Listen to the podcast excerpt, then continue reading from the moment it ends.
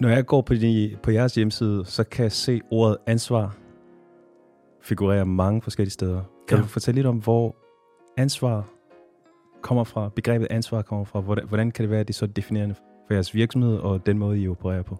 Ja, øhm, det er rigtigt. Vi, vi har øh, fem øh, medarbejdervalgte værdier i Alfix, hvor ansvarlig er en af kerneværdierne. Øhm, vi har fem værdier. Service-minded, ansvarlig, uformel, troværdig og engageret. Det er medarbejdervalgte værdier, som er valgt øh, for øh, 12-13 år siden. Øh, vi havde en proces, hvor vi øh, talte med alle vores øh, medarbejdere dengang og, og bad dem sætte ord på, hvad, hvad, hvad mener de kendetegner Alfix som arbejdsplads og som virksomhed.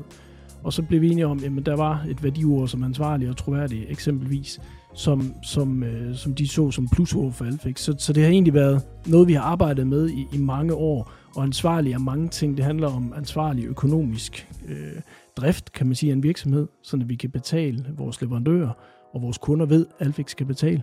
Men det handler også om omtanke for andet end, end blot at tjene penge. Og, og der er den ansvarlige transformation og verdensmålene. Men, men det her, det rimer egentlig meget på, på min farfars tanker helt tilbage i 1963, da han startede Alfix. At, at, øh, at produkterne skulle have en, en vis kvalitet, og virksomheden skulle tage ansvar for de løsninger, øh, produkter, som vi leverer ud til, til kunderne.